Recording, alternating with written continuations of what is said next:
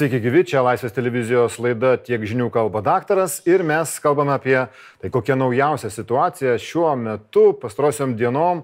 Ta epidemiologinė situacija Lietuvoje tokia, jog kasdien vis mažiau regis tų naujų užsikrėtusių naujojų koronavirusų žmonių nustatoma, jų mažiau negu 10 kasdien ir vis mašta. Atrodo, kad turime pergalę prieš koronaviruso plitimą čia Lietuvoje, bet ką ši pergalė reiškia mūsų artimiausiai ateičiai, kai kai vakcinos nėra ir kai beveik visi ekspertai sutartinai sako, kad reikia laukti antrosios e, viruso bangos. Vienas tokių ekspertų Lietuvos sveikatos mokslų universiteto visuomenės sveikatos fakulteto profesorius Mindaugas Tankūnas. Sveiki gyvi, profesoriu. Abadiena. Jūs rašote, kad e, mūšis laimėtas, bet karas dar ne. Kiek truks tas karas jūsų manimu?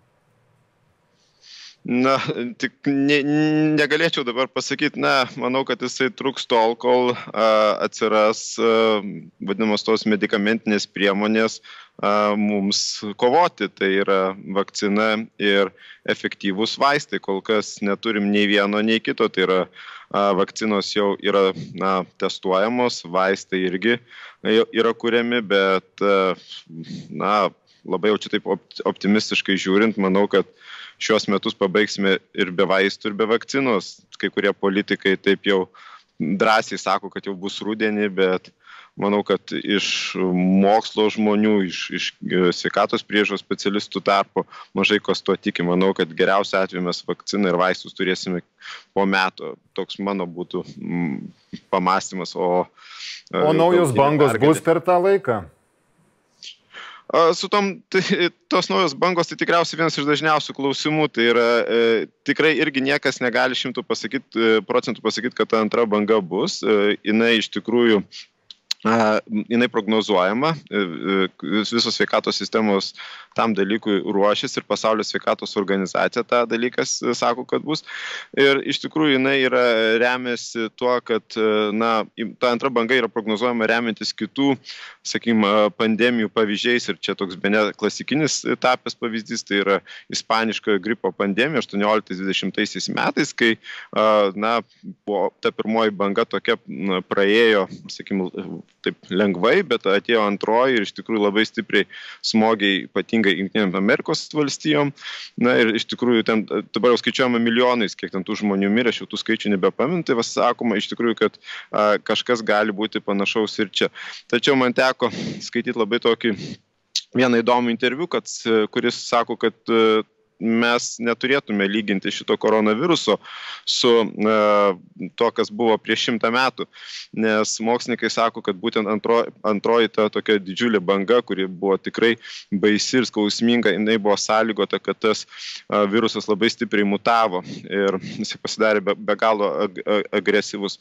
Tai, na, uh, čia, kaip pasakyti, mes nežinom, kaip bus, bet e, va ką iš tikrųjų pasaulio sveikatos organizacija pasako ir aš, va, pavyzdžiui, dažnai tą dalyką kartoju, kad mes galvodami apie tą antrąją bangą turėtume nepamiršti, kad gali būti antrasis pikas, nes yra tikrai pavyzdžių, e, kuriuose tas, sakykim, sergamumas, mirčių skaičius pastovi mažėjo ir tikrai šalis atrodė kaip labai sėkmingai kovojančios su šita pandemija, tačiau toks, na, neatsargumas, neapsižiūrėjimas į sąlygoje, kad turi, turi turėjo antrą piką ir toks pats geriausias pavyzdys tai galėtų būti Singapūras. Daug, daug laiko jis buvo laikomas kaip tikrai toksai puikus pavyzdys kovoje su šita pandemija, bet ten keli žydinukai Singapūro uh, užsienio darb, tų darbininkų bendrabučiuose sąlygo, kad Singapūras kiekvieną a, dabar a, dieną fiksuoja po kelius šimtus atvejų, ten, sakykim, prieš kokį mėnesį gerą buvo tik tai ten gal keliasdešimt, tai iš tikrųjų toks šuolis buvo beprotiškai didelis. Tai va, iš tikrųjų mes turime galvoti apie tą antrą bangą, bet taipogi nepamiršti, kad gali būti antrasis pikas. Bet aš kaip dar irgi, jeigu galima papildysiu, gali nebūti tos antrosios bangos, nes, sakykime, pavyzdžiui, yra šalių, kurios labai puikiai susitvarkė ir net tos pirmosios nebuvo. Tai toks, na, pavyzdys galėtų būti Taivanas, kur, na, mes puikiai žinom, Taivanas yra prie Kinijos visai šalia. Sala yra dvigubai mažesnė negu Lietuva, gyventojų yra dešimt kartų daugiau, e, na, turi beprotiškai intensyvų susisiekimą su žemynė Kinija. Kitas dalykas, pas juos virusas, man atrodo, pirmą kartą buvo nustatytas, ar ne sausio 20 dieną, ir, sakykime, kai mes dar Lietuvoje eidavom į, Žalgero rungtynės, jau tai Taivanas, sakykime, jau turėjo tą, tą, tą problemą, bet jie puikiai susitvarkė. Tai, na, jie turi patirtį, at... ar ne, ankstesnio taip, SARSO. Taip, Taip, jie turėjo. O kai kurios valstybės norėjo e, kitaip kovoti, nebe karantinų ypatingų priemonių, Švedija, Didžioji Britanija pačioje pradžioje, siekdamas, kad būtų kuo didesnis išsivystytų visuomenės, kolektyvinis arba bandos imunitetas. E, Lietuvoje jau daromi tyrimai, ką, ką jie rodo dėl šito bandos kolektyvinio imuniteto.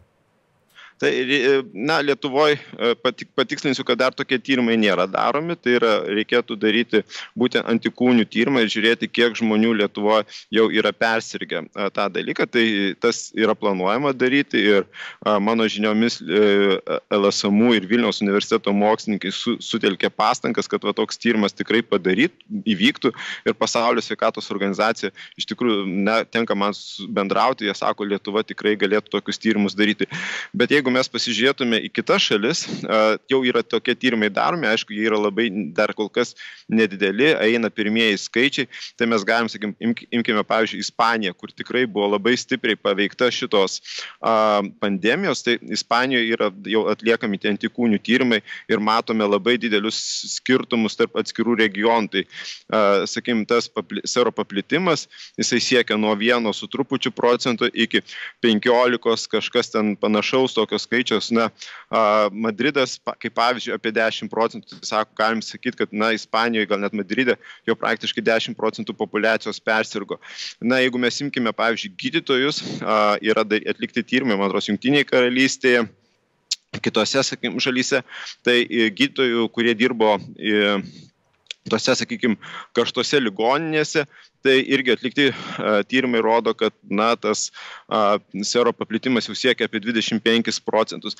A, kitos šalis, sakykime, Luksemburgas apie 2 procentus, Niderlandai 3 su trupučiu, na, Šveicarija vėl tai yra ten tie procentai skirtingi, nesakau, tai ateina dar tokie pir, pirmieji duomenys, tai yra, sakykime, 3, 6, Suomija vėl kažkas apie, apie 3 procentus, tai dar Lietuvoje, sakau, mes neturime, bet galim prognozuoti, kad Lietuvoje tas, proc, tas, tas skaičius neturėtų būti didelis. Tai reiškia, kad na, nebus to kolektyvinio imuniteto, nes tam, kad virusas nebeplistų, reikia daug didesnių procentų. Taip, tai tas bandos imunitetas, jisai yra gana nesunkiai apskaičiuojamas ir kiekvienas galite paskaičiuoti. Tai yra tiesiog imate e, labai nesudėtingas skaičiavimas, tai yra tiesiog vienetas padalinta iš e, viruso reprodukcijos dydžio, tai šiuo metu jis yra, taip, nu, grubiai sakykime, 3. Tai e, tą skaičių, kuris gaunasi, tai vienas padalinta iš 3 gaunasi 0,33, atimam iš vieneto ir gaunam, kad yra 0,67. Tai va, galim sakyti, kad jeigu tas viruso reprodukcijos produkcijos dydis yra 3, dabar lyg tai paso sako, kad jis yra truputėlį mažesnis, mes galim sakyti, kad maždaug reikėtų apie 60-70 procentų žmonių, kad prasirgtų, kad šitas e, na, bandos imunitetas susiformuotų. Jau, kaip sakiau, atsiranda e, tokių straipsnių, kurie sako, kad tas galėtų būti skaičius mažesnis. Taigi matome, kad iš tikrųjų na, visos šalis e, yra gana tolokai nuo, nuo to bandos imuniteto. Vadinasi, vis, visam pasauliu lauksime vakcinos. O jeigu visam pasauliu reikia tos vakcinos, e, kaip ar įmanoma pagaminti tiek jos vienu metu? Manau, kad manau, kad galima ir tas, tas, tik, tas tikrai bus, manau, padaryta ir dabar mm, ta, e, einama tą linkmę, tai kaip sakiau, yra tų mokslinių tyrimų daroma labai daug, kad ta vakcina atsirastų. Tik tai aišku, tas užtruks, e, na, laiko, sakykime, jeigu mes kalbam apie kokią Šiaurės Ameriką, Vakarų Europą, tai a, tas galbūt greičiau įvyks, bet a, na, dabar jau kalbant apie mokslinę spaudą, na, publikacijas, sakykime, tokios globalios sveikatos, labai daug yra dėmesio kreipiama į Afriką. Tai yra tiesiog, ką mes čia turime Europoje, tai vadinkime dar, na, mes esame gerai apsirūpinę ir sveikatos priežiūrą ir taip toliau, tačiau Afrika labai neramina visuomenė, nu, visuomenės sveikatos mokslininkus, epidemiologus, nes iš tikrųjų ten, na, labai labai sunkiai prognozuojame uh, situaciją, kaip jinai gali vystytis toliau. Ir plus mes dar nelabai žinome ir duomenų tikrų, nes na, tai yra tiesiog, na, mes puikiai žinome. Jūs savo pastarame poste Facebook'e rašote, kad Lietuvai reikia nacionalinio susitarimo ir dėl sveikatos. Ar toks susitarimas padėtų mums ateityje, nežinau, kaip Taivanui kovoti su tokiam pandemijom? Ar, ar tikrai e, gali būti, kad partijos sudėjusios parašus po tekstu atimtų ir kažkokią naują sveikatos politiką pradėtų Lietuva? A, e, iš tikrųjų yra esminis dalykas tai, kad e, sveikatos sistema, kad jinai, kaip pas, kad jinai veiktų maksimaliai efektyviai, jinai turi būti nuosekli. Tai yra, negali būti taip, kad e, ateina viena partija, sako, mes darom vienaip, ateina kita partija, darom kitaip, plus dar, na, sakim, per tos e, Seimo kadenciją pasikeičia keli ministrai ir a, įvyksta, na, kardinalūs pokyčiai dėl visos tos sveikatos sistemos mąstymo ir taip toliau. Tas iš tikrųjų niekur toli nenuves.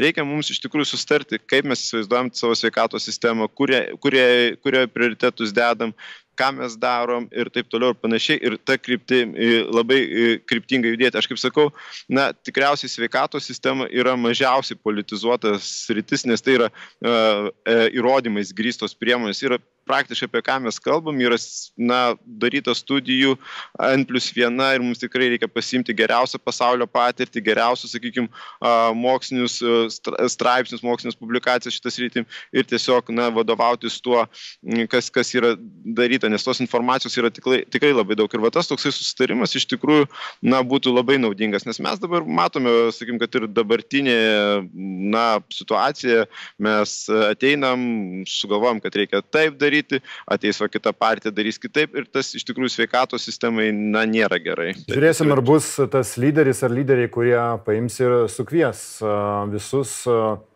kas turėtų pasirašyti šį nacionalinį susitarimą, įsipareigoti nuosekliai vystyti Lietuvoje sveikatos politiką, sveikatos apsaugos sistemą. Ačiū Jums už pokalbį labai. Tai buvo Lietuvos sveikatos mokslų universiteto visuomenės sveikatos fakulteto profesorius Mindaugas Stankūnas. Ačiū ir Jums malonus Laisvės televizijos žiūrovai, uždėmesi likite su mūsų YouTube kanalu.